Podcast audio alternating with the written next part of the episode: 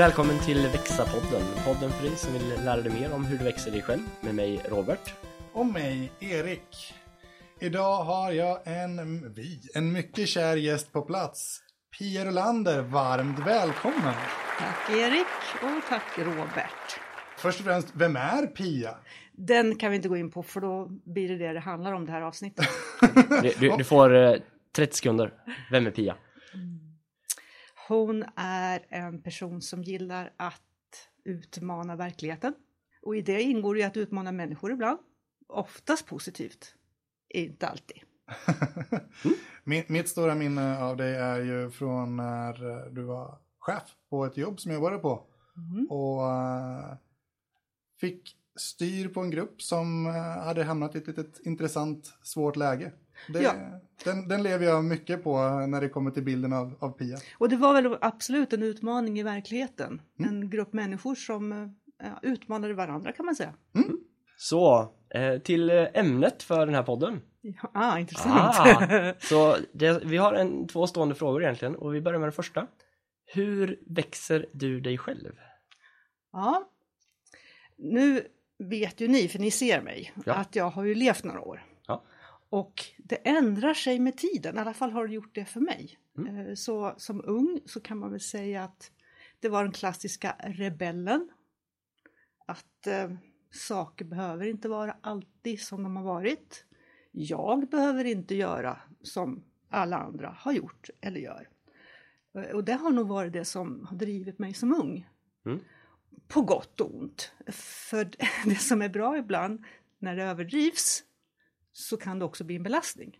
Ja, precis. Ja, men som alla liksom, talanger man har eller positiva eh, egenskaper man har så kan de ju liksom bli en belastning om det blir för mycket av dem. Exakt. Och, och ni kan ju tänka den klassiska rebellen. Ja. Det vill ju till slut ingenting. Och ingenting är bra. Alltså, ni känner ju igen det där. Ja. Alltså, ni som har småbarn fortfarande, den här som sätter sig på rumpan och bara mm, ska inte. Alltså typ den. Jag hade så gärna velat se Pia i det stadiet. Det hade varit så intressant. Har, har du några konkreta exempel på liksom, rebell som du vågar ta upp? Nej, men jag har en, en kommentar från en chef när jag var riktigt ung. Då kanske jag var runt 22, det var ett av mina första konsultjobb. Och vi var på en sån här konferens på Färöarna. Så jag råkar gå bakom de här två herrarna och inser att de pratar om mig. Och då säger den ena till den andra, ja du, henne tar man inte där man sätter henne. Och det är ett klassiskt uttryck från förr där man menar på att man kan inte plocka upp en sak där man la den för man vet inte var den tog vägen. Så beskrev de mig och då var jag 22 år. Så att, ungefär där. Hitta sin egen väg. Exakt. Sen då? För det låter som att det har hänt mer sen dess. Ja, absolut. Eh, jag kan nog säga att övergripande utvecklingen av mig själv har nog varit att våga lita på andra människor. Jag var ganska länge på ett litet företag, Jag startade med fyra herrar som hade hoppat av. Jag var den första anställde. Och vi byggde upp det där företaget tillsammans. Sen gick jag på en entreprenörskurs på universitetet. Och där träffade jag en grupp väldigt trevliga människor. Och en dag så säger han så här, ska inte du börja jobba hos oss? Och jag bara tittar på honom och säger, jo det kanske jag ska. så har det nog gått till ibland, att människor ser saker eller upplever saker tillsammans och så säger de någonting och jag har ingen aning om det är rätt eller fel. Men jag känner en tilltro till att det människan såg är sant. Så- och så hoppar jag på det jobbet. Så för att backa tillbaka liksom till ämnet växa dig själv. Det låter som att du rör dig framåt och så händer bara saker. Den, den känslan, för den kan jag ju känna igen mig också. Men så händer saker och så, ja, men varför inte? Och sen så får du följt den tråden. Är det en... Ja, det kan man ju säga. Och de gånger jag håller emot, då brukar det inte bli bra.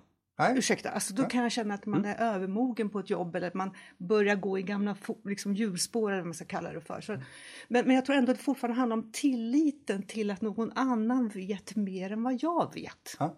Den tror jag är liksom grundpunkten i det hela.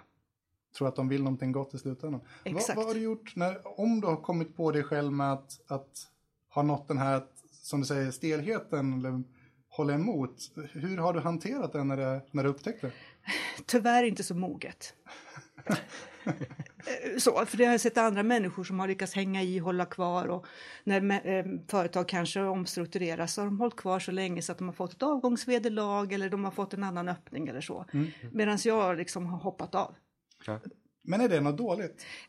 Har man familj, Ja, alltså hus, sommarhus, alltså det, det är en viss belastning på sin käre om man säger. Eh, och då behöver man ju ha det stödet hemma att jag tänker hoppa. Och, och min man visste då att hon kommer göra det oavsett. Så att, Så jag, jag har inget val, det kommer hända. Nej, även om vi var liksom överens så, så, så förstod han väl det. Ja. Och, och, och det är en nackdel att ha kvar den här barnsligheten att jag knäppa med fingrarna men jag ska inte göra det. Att nej, nu räcker det. Alltså den är fortfarande lite, kan känna igen, det är fortfarande lite rebelliskt. Men eh, där, där tänker jag liksom att har det med Jag kan ju känna igen väldigt mycket av det du säger även om jag har hängt i lite för länge ibland liksom att så här, ja men det blir nog bättre eller jag kan göra skillnad eller jag kan påverka men till slut blir det bara så här, nej nu skiter vi här Att du gör det, det låter som att du gör det ganska fort eh, Har det att göra med att du inte har tålamod för att göra de här andra sakerna eller har det att göra med integritet liksom att ja, men det här går emot vad jag står för liksom och då skiter jag i det. Det där är intressant för jag tror att det varit både och. Okej. Mm. En, en vet jag absolut att det hade med integritet att göra. Mm. Vi hade blivit uppköpta Mm. och eh, den nya ledningen ville omorganisera hela, liksom, alla kontoren i hela Sverige på ett speciellt sätt. Ja. Och jag visste att det kommer inte fungera. Ja. Det kommer inte fungera. Och gå ut från ledningsgruppen och säga, när man är chef så är man ju med ledningen. Ja. Det bara är så. Ja. Så, och gå ut och, och stå för det här beslutet. Det gick inte. Mm. Nej. Jag var tvungen att säga upp mig. Mm. För jag kunde inte gå till mina kollegor och säga att det här är det bästa beslutet, för det var det inte. Nej. Så då sa jag upp mig. Så där var det en värderingsfråga. Ja. Så absolut. det är intressant just för det, det, det, det är så talande med ordvalet. Jag visste att det inte skulle fungera. Det är ju, det, det, det, det kräver en viss ja, men integritet och pondus att säga det på det sättet också. Mm. Ett sex, sex månader senare så var de tillbaka den gamla. Mm. Och då sa de kompisen kan du inte vara kvar? Nej, därför att de, jag såg ju på sättet de arbetade. De, ursäkta att jag säger de här orden, men de vägrade ju lyssna. Ja. Ni är uppköpta, vi bestämmer. Ja. Okej, vad är nästa fråga då? Den här råkade bli så som vi hade jobbat det, men vad är nästa fråga? Så att, mm, När man tittar på, på då att du vart kvar, om du hade stannat där ännu längre, vad, hur hade du i så fall hanterat det tror du? om jag hade stannat så hade jag ju fått lära mig någonting. Mm. Ett, Mm. ett, ett, en annan läxa. Mm. Och jag, just i det fallet var jag inte mogen än. Men Nej. jag har haft andra jobb efter det. Där jag, om man ska säga så här, får svälja förtreten eller vad kallar man det för? Ja. Någonstans. Mm. Men det har också skett då mer i samarbete med mina kollegor. Mm. Alltså öppenheten att jag är ledsen. Jag, jag, kan, jag kan inte stå för det här. Men jag har också talat om för mina chefer då Mm. att jag tror inte på det här. För det är det som är det svåra. Är man en chef så ska man ju vara på deras sida. Mm. Så eh, jag har varit kvar på ställen men då har det också varit transparent. Och då är jag jättenyfiken, för du säger du hade lärt mig en annan läxa. Vad är några av de viktigaste för dig läxorna du har lärt inom åren? Oh, eh, de är så många. Eh, Alltså, det- I grunden så har jag nog lärt mig att kommunikation, det vet vi redan, det är klassiskt, det är viktigt. Mm. Men nivån under där, det här som vi kallar för samarbete. Den är så djup, den frågan kring samarbete. Så det tror jag är det viktigaste jag lärt mig. Att samarbetet fungerar inte om vi inte förstår varandra på djupet. När man ser att det är stopp i flöden, när det är stopp i samarbetet, stopp i kommunikation, så är det oftast på grund av någonting väldigt djupt. En värdering. Oftast en värdering. Mm. Har du något exempel? Ja, nu ska vi se alla vi ska ta. Ehm, jo, det var ett stopp i ett, eh, ett utvecklingsbolag jag var med i. Eh, Vi hade blivit uppköpta och det var naturliga steget var egentligen att integrera, ska vi säga, moderna tankar med gamla tankar. Mm. Men det beslutet kom aldrig. Och jag förstod inte riktigt varför. Tills en dag jag fick insikten att en av personerna i ledningsgruppen hade personliga värderingar i det hela. Han var en av ägarna. Mm. Och jag började inse att han ville egentligen göra en exit. Han hade ingen lust att göra nya investeringar på nytt sätt. Han ville, som man säger, mjölka kossan så länge som det gick. Och därför blev det fel beslut. Och det hade liksom inte spelat någon roll vad ni säger för att det är en, det är en sån dold och djup värdering att, att det hade kommit nya argument för varför ni inte ska. Exakt, därför man kan ju inte sitta och säga som ägare att mitt beslut grundar sig på att jag egentligen vill sluta.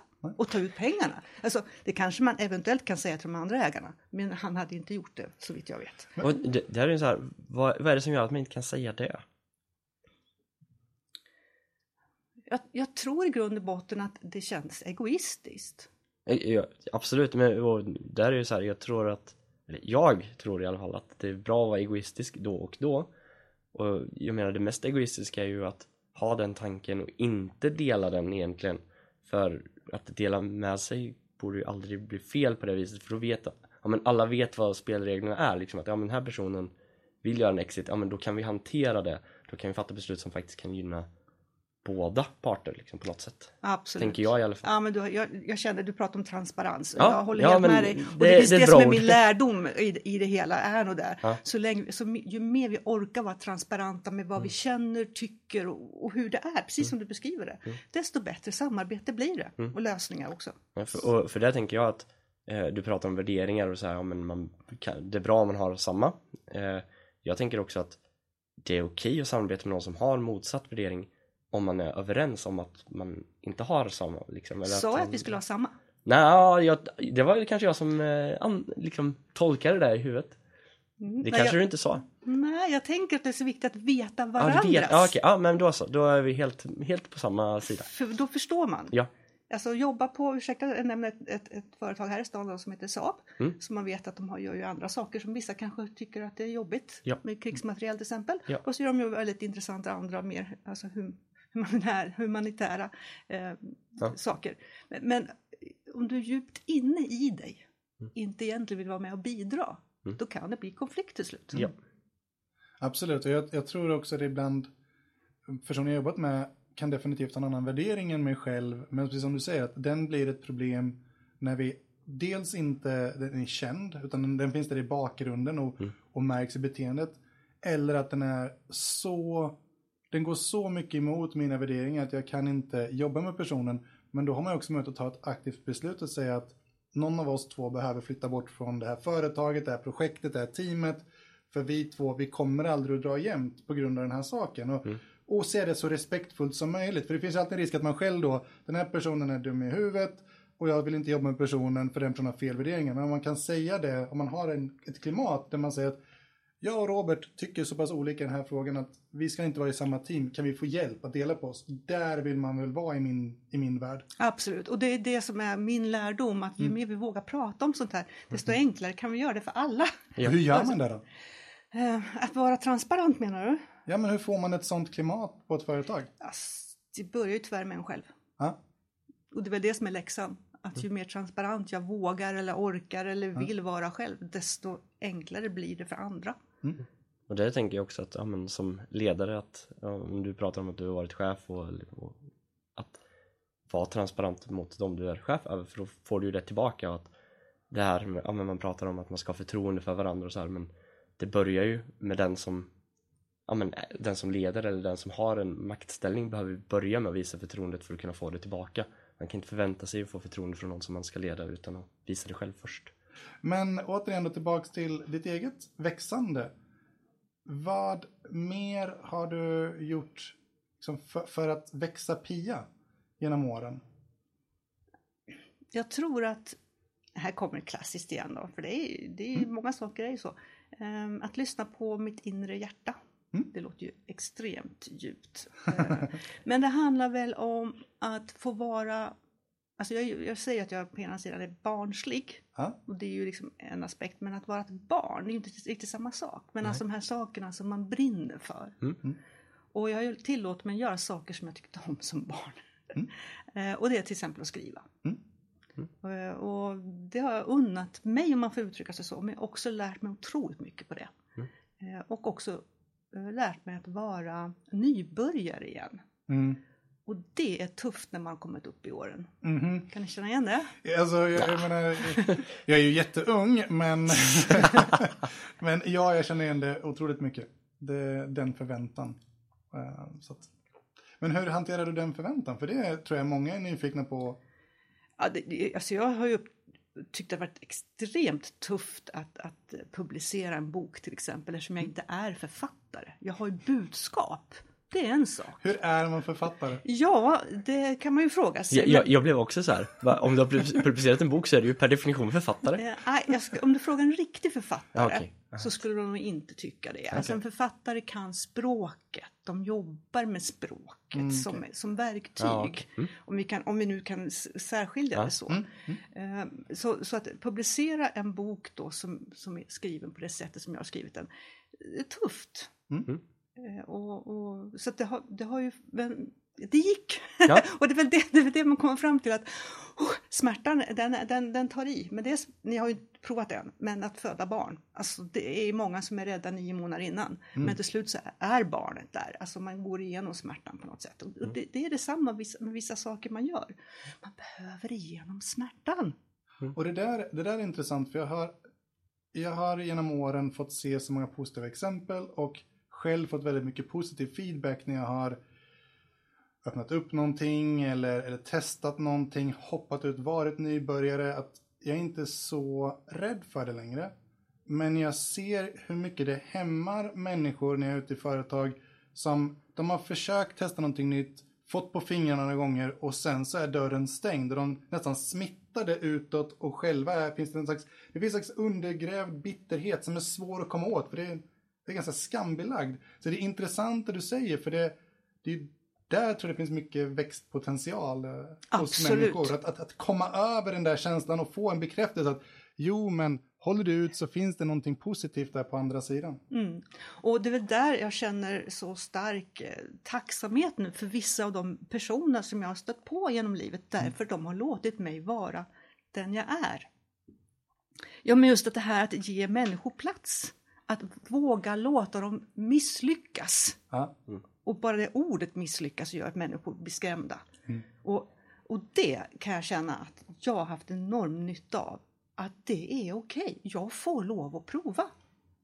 Det är ju en stor insikt, men den är tuff. Jag tror det är tufft när man, för det är många som får på fingrarna när de försöker saker. Det är lätt att ge upp hoppet att det finns någonting. Och då kommer man till de här, jag, jag, jag vet inte hur du har upplevt det, men jag har många gånger fått den här, åh vilken tur du har som har åstadkommit alla de här sakerna. Eller det är klart, det går för dig som alltid har det här stödet, den här medgången. Och det, det finns ju en sanning i det. Det är bara att det, det, det har inte varit så från dag ett. Men någonstans hade jag tur nog att någon tog mitt parti och så orkar man sig igenom det. Mm. Jo, och det- det är till viss del tur, eh, men de, de, de personer som säger det här är oftast eh, lite avundsjuka, ursäkta att jag säger det, eh, men, men lite så, därför de skulle gärna själva våga, men de har inte riktigt stödet omkring sig. Och, och det, läxan och lärdomen i det är att den enda du behöver är du själv. pratar om misslyckanden och så här att det är ju en väldigt trend i att se ja men prata om lärtillfällen istället för misslyckanden och sånt att men, det är lite det du är inne på liksom att det är okej att misslyckas så länge du lär dig någonting av det och det tycker jag är en väldigt trevlig tanke att ha med sig Mm. eh, men sen, jag ska backa lite längre också för du pratar om att lyssna på ditt, på ditt hjärta liksom och göra det som du brinner för hur här, det ka- kanske blir en konstig fråga då, men konkret liksom, hur gör du för att lyssna på ditt hjärta på det viset? Ja, jag kan ta en, ett vardagligt exempel som Ja. inte har någonting med växa att göra. Eh, ja, Jag, om jag går in i en butik och så ser jag en väldigt vacker tavla eller en väldigt vacker vas och så min spontana känsla, åh, den där ska jag ha. Mm. Så, så. Om jag då verkligen liksom vill kolla om jag ska ha den, då går jag ut ur butiken direkt och så går jag 50 meter. Om hjärtat säger till mig att men du, du, nu, nu missar du någonting, Mm. då vänder jag och går tillbaka. Om jag kan fortsätta gå, är det var det bara en sån här spontan känsla av att den var vacker. Jag Mm. behövde den inte. Så ett sätt att försöka förstärka, för, för, för det, det, det finns ett frö där inne, men det handlar om att sätta dig själv i en miljö där, där den känslan får chansen att förstärkas om den är på riktigt och inte bara ett kortsiktigt sug liksom. Exakt, precis så. Mm, spännande. Vår andra fråga här i podden är då Hur gör du för att växa andra? Ja, den har ju också ändrats i år naturligtvis. Mm. Mm. Och min, min första fundering på när jag blev chef, det var så här. Varför gråter så många inne hos mig? Och det var verkligen så när man satt i samtal. Eh, och på den tiden, ursäkta jag säger som på den tiden så hade vi inte de här korta one-to-one utan det var ju långa samtal. Alltså en till två timmar ibland, så kallade klassiska utvecklingssamtal. Mm. Och någon gång, oftast under de här samtalen, så blev det att personen liksom smälte i stolen och det kom ut saker. Ibland bara i ord men oftast också med tårar. Med tiden så insåg jag att vad som hände var att jag skapade en, ett utrymme eller som jag kallar det själv, alltså en, en, en plats, en, en container för människan liksom att slappna av och inte bara liksom intellektuellt utan totalt. Mm. Och då kom det saker som kanske borde ha kommit på andra platser men som inte har funnits rum för. Och jag är ju vansinnigt nyfiken om alla dina tankar på hur har du skapat det rummet? Mm det, rummet uppstår när man är beredd på att vara transparent själv. Vi pratar, jag använder ordet mm. transparent igen eftersom vi har haft det. Eh, när man vågar sitta i sin chefsstol och försöka känna sig inte chef. Mm. mm. Jag behöver inte ha en åsikt om det här samtalet. Mm. Ja, vi har processer, jag har en mall och personen ska ha förberett sig. Men i mig själv så kan jag vara öppen för att det här kan ta vägen vart som helst. Mm. Jag behöver inte sätta målet att när samtalet är slut så ska varenda punkt här vara ifylld. Utan vi ses, vi pratar, absolut vi har en intention. Men det är inte det som, ska jag säga, det lägger inte locket på. Nej. Och hur tar det sig, för jag, jag har ju suttit i sådana samtal också som går i en tusen olika riktningar, men hur hamnar det på en så pass så kraftfull plats? För det får man ju säga att det blir när, när det sväller över och så vidare. Det är ofta min bild, det får du gärna, jag vill gärna höra din åsikt där också, men min bild är ofta att det blir när det kommer en självinsikt om sig själv. självinsikt om sig själv. Ja, när det sant. kommer en, en, insikt om sig själv som, som de aldrig har tänkt på förut, det blir den här, shit, är jag sån här? Eller både positivt eller negativt. Och det är då någonstans det börjar brista för att man, man, man det, det, träffar någon slags speciell plats som är svår att komma till och bara diskutera projekttider eller, eller vad det nu kan vara för någonting. Vad är din bild liksom av vad det är som får det att bli så? Um, alltså jag tror for, alltså vi har redan varit inne på det, alltså kommunikation och vi har varit inne på samarbete och, och någonstans i den här att, att ge varandra plats. Alltså det, jag kommer fortfarande till det, mm. att när du ger eh, personer plats så behöver du inte göra så mycket mer. Och behöver inte tvingas fram. Och det kanske är det här du far efter att, att ett sätt att låta människor växa det är att låta dem växa organiskt, som, mm. ungefär som man säger om företag ibland. Mm. Alltså det som ska fram eller det som ska ut, ja, låt det komma. Mm. Sen kanske visar sig att de skulle inte vara programmerare längre, de kanske hellre ville hålla på med något annat. Mm. Men vad bra att det kom nu mm. och inte sen. Så, så, du tänker liksom att ja, men, genom att ja, men, skapa förutsättningar för de här personerna, liksom bara att ja, men, det finns utrymme. Eller, så här, du pratar plats och jag tänker liksom ja, men, det finns ja, men, en cirkel runt dem eller liksom, som de kan gå, gå i liksom, lite fram och tillbaka för att utforska. Att tillhandahålla den skulle liksom, ge folk möjligheten att, att ta det här steget. Ja, så, så, det, det tycker jag är en bra bild. Alltså, man behöver en större hage. Ja. Eh, och i vissa organisationer gör ju så, alltså de kan ge till exempel chefer liksom att det här är ditt område, här bestämmer du allting. Och helt plötsligt kan det börja hända saker för att åh, får jag springa här? Åh, får mm. jag göra så här? Alltså att ge människor den platsen. För det blir lite som ett kosläpp liksom. Att det... ja, det är, den är jättefin. Men så, och glädjen i kosläpp. Ja, om du, har du ja, sett ja, någon gång? ja, men verkligen. Det, och, det, och det är så människor kan känna sig. Och när de då börjar också känna att de har den energin inom sig. De behöver inte be om den från någon annan. Utan hoppsan, jag är kalv på grönbete alldeles av egen kraft. Och om vi ska fortsätta den här metaforen då, för det tar ju liksom, den här glädjen mattas ju av på kosläppen. Hur, hur känner du liksom med det? Om du ger någon en hage eller du får en hage liksom att Känner du också det att ja, men, glädjen av att få bestämma där eller ut, utforska det området mattas det av eller hur behåller du det? Ska se, är det jag som är på grönbete eller är det min kollega? Ja, vilket som. Nej, alltså jag tänker så här att, att livet är som eh, en in och an, utandning. Mm. Och någonstans däremellan så finns det faktiskt en paus, eller oftast en paus. Mm. Så man går ut och så har man kul och så lär man sig det och så lugnar man ner sig, integrerar det, lite fundersamhet och sen kanske ända in på djupet och så ut igen. Mm. Ungefär så. Så att det finns en naturlighet att ta det lugnt, tycker jag, däremellan. Det är lite Alfons med när de sitter och, och jag kommer inte ihåg om det är födelsedag eller julafton och står och plockar i ordning. Och Alfonsens pappa sitter och muttrar. Ja, det skulle vara julafton varenda dag och födelsedag de andra dagarna. Och så sitter om det är farmor eller vad det är som går runt där så här. Ni bara gnäller, sluta nu. Och när någon till slut tycker att du kan inte gå runt och vara så himla glad. Ja men det handlar ju om det. Det handlar ju om att det måste vara tråkigt för att det ska vara kul. Så att fundera på vad ni ska ha det för kul som kommer härnäst. För om vi har riktigt tråkigt nu, då måste det vara något jätteroligt som kommer sen. Och så börjar de tänka på det och så ändras humöret. Den där kan jag ibland få med mig, för jag tycker den beskriver lite det du är. Att nu börjar det bli lite, lite tunt och lite vanligt. Perfekt, då har jag tid att fundera på vad det är för något nytt och roligt jag ska skapa för mig själv. Eller jag ska be om att få hjälp att skapa för att komma framåt. Mm. Och det utrymmet tror jag är värdefullt i företag också för att kunna vara en effektiv chef. Som du beskrev förut, att man ger folk utrymmet så att när de väl har det samtalet som du beskrev, då finns det liksom någonting att ta med dig. De har fått den ron att tänka på hur kan jag växa mig själv och hur behöver jag din hjälp för att göra det? Och det tror jag att det gör det mycket lättare att vara chef också. Absolut, och, och den här stillheten behöver ju inte vara stilla. Alltså det här Nej. att sitta att, att fundera inom sig själv eller ihop med andra och, och att inte producera så mycket papper. Det betyder ju inte att det står still. Det Nej. behöver ju man vara extremt eh, vaksam på. det är tvärtom när man, när man stannar upp rent fysiskt så börjar det röra sig i hjärnan istället och det är ju motsatsen till att vara still också. Det är väldigt ansträngande i sig.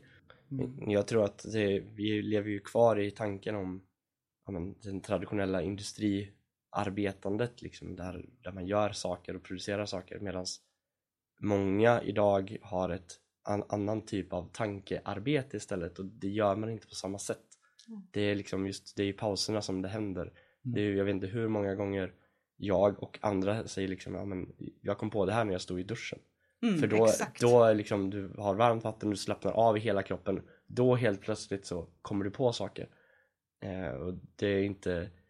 Ja men det, det är väldigt fascinerande liksom. Så alla, alla företag borde ha duschar på jobbet. Ja, kanske det. Det, det var någonting jag faktiskt vill nämna också på tal om växa andra.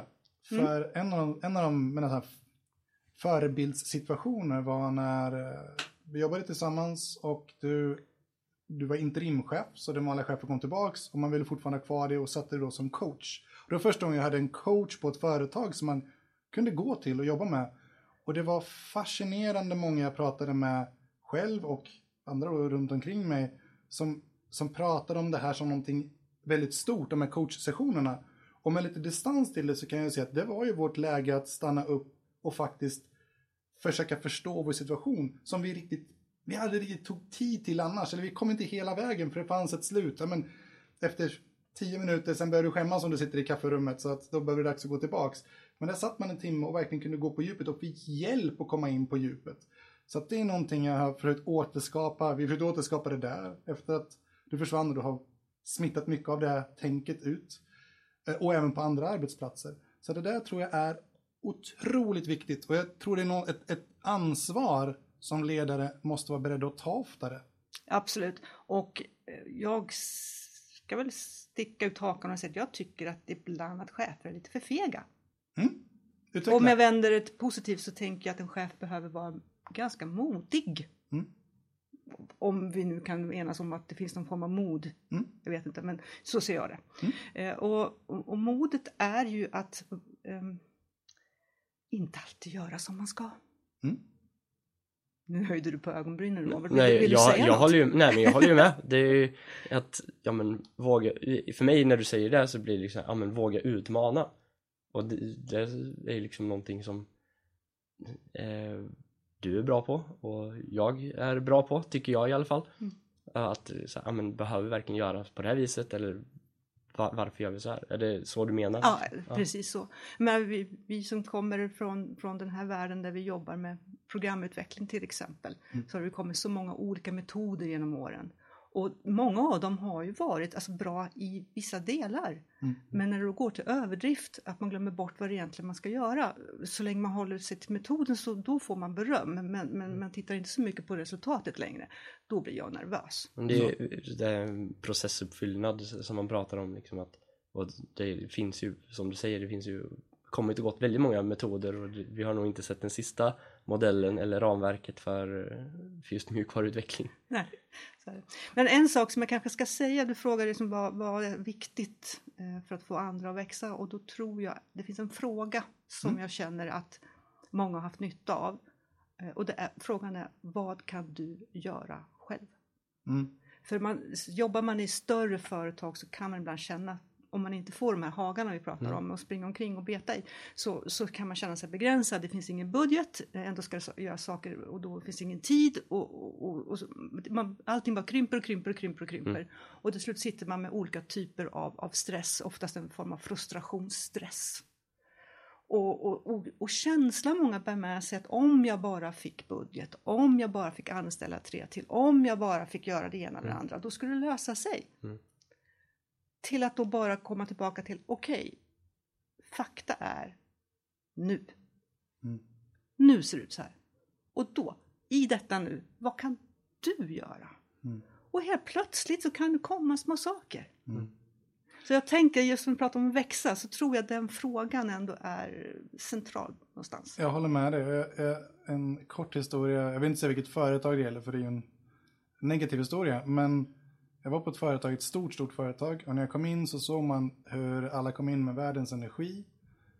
Och när vi hade varit där efter ett tag så började man se, framförallt de som då hade varit där sen innan vi kom dit och som när vi kom dit var de våra förebilder med mycket energi. De började mer och mer bara gråna bort och tyna bort och till slut var det några som egentligen bara var ett skal av sig själva.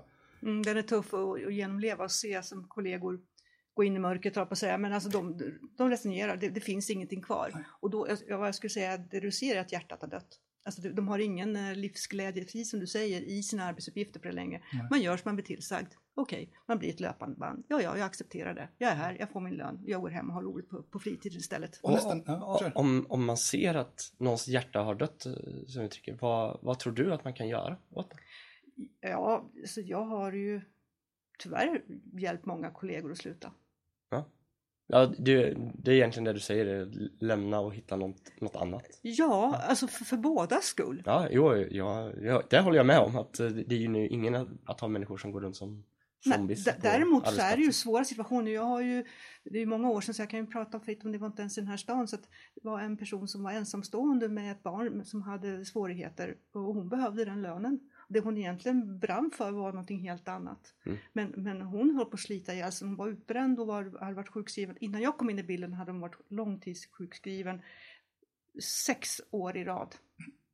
Och ingen chef hade lyckats ta hand om det. Nej. Men vi tillsammans, det tog tid, men jag samarbetade med Försäkringskassan och vi hittade andra lösningar. Och efter ett år så hade hon hittat ett nytt jobb och ett nytt liv. Mm. Mm.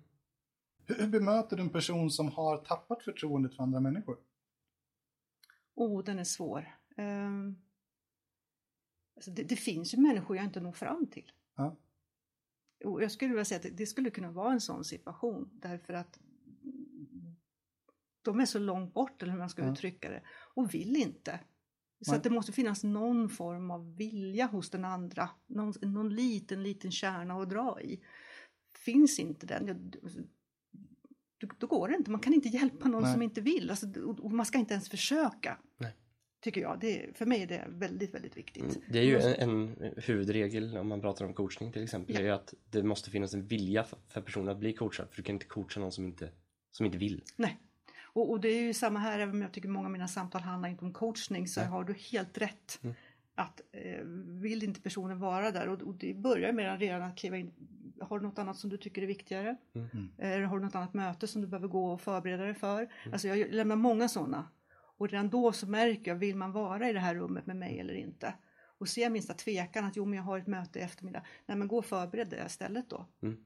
Om de då väljer att stanna, då finns det ett litet frö någonstans. Mm. Att de ändå vill liksom prata eller försöka hitta något. Mm. Så just det tror jag att, att ska vi säga, lämna öppet att ja, men du är inte inlåst här. Du Nej. behöver inte vara här med mig. Du, du kan gå. Och, och vill, vill de då inte göra det, Mm. då har man något att bygga på. Det, det tror jag är en sån här också löpande band eh, av en låsning att ja, men om jag är inbjuden till ett möte då ska jag ju gå på mötet. Och så kommer du och säger jag måste inte vara här så bara, men vad menar du nu? Exakt, precis så. Helt rätt. Så bara, kan jag gå? Ja. Nej. Men det gör man ju inte och så sätter man sig ner ändå. Jag är, är det en, en kollega för länge sedan som inte, som jag just i den situationen, jag sa till henne att du behöver inte gå på det här mötet. Hon var nästan lite fnittrig när hon satt på sin plats. Så, jag är inte på det här mötet. Så, nej, det, det är korrekt. Ja, ja, jag tackade nej. Så, jo, ja, det är korrekt. Och det var för henne var det, jag insåg det inte då, men med, med perspektivet sett, det var en stor grej för henne. För för mig var det en så liten sak. Typ. Ja, men det, är ju också det med modet att, att göra något annat Ja. än vad man förväntas göra. Sista inslaget i den här podden. Ja. Eh, vilka är dina två bästa tips till våra lyssnare om hur man växer sig, sig själv? Ja, det är faktiskt att ta tid med sig själv. Och det tror jag nästan är det enda rådet. Och kan du utveckla det lite? Det är svårt eh, att få tid för sig själv i den här världen vi lever och speciellt om man har kanske mycket fritidsaktiviteter eller familj eller så. Men att dra sig tillbaka innanför sig själv och så lyssna på sig själv. Det kan låta enkelt men det är det definitivt inte. Att sitta i tystnad med sig själv, inte ha på någon musik, inte lyssna på en podd, inte någonting sånt utan bara Förutom den här. Ja, exakt. Ja. I bakgrunden. Man, nej, men, men att våga vara med sig själv Mm. och våga känna det man känner. Och den kan vara riktigt jobbig för man kan känna sig avundsjuk. Det får man inte vara. Man kan känna sig lite förbannad och inte så lite heller om man vågar tillåta sig det. Det ska man ju inte heller vara. Så att allt det där som rör sig där inne som man liksom inte ger plats för man behöver få upp det på bordet med sig själv. Man behöver inte berätta det för någon annan, men med Nej. sig själv. Och när man bara ser det och rensar bort lite av det där, då kan det börja, liksom dimmorna släppa lite och man kan få fram det här så kallade hjärtat vi pratar om. Vad vill jag egentligen göra? Vad skulle jag göra om jag hade alla pengar i världen? Vad skulle jag göra om jag inte hade det här jobbet? Vad skulle jag göra om jag inte hade? Då skulle jag. tillägg på den, eh, det är att det där syns ju för andra. För jag hade tufft att komma dit och sen så någonstans på vägen så började jag inse att alla de här sakerna som är så jobbiga för mig att ta i, de ser alla andra också. Så antingen kan jag välja att fortsätta inte ta i dem och så får jag skämmas för att de ändå hela tiden händer. Eller så kan jag börja ta tag i dem och tycka det är skitjobbigt men ha en chans att göra någonting åt det. Och så får man en liten seger. Man kan fixa någon liten grej och det där ger ju en självförtroende att fortsätta. Så för mig är det liksom den där första att ja, det är jobbigt, men alla andra ser det, för du kan inte dölja det. Så kämpa lite till. Jag, jag tycker det är ett fenomenalt tips. Stort tack. Om man vill komma i kontakt med dig, hur gör man då? Ja, då ringer man 0705 12 68 07 eller så går man in på www.omstart.nu. Så är det! Så är det. Svårare än så är det inte. Stort tack. Jättestort tack Pia, alltid ett nöje. Ja, tackar!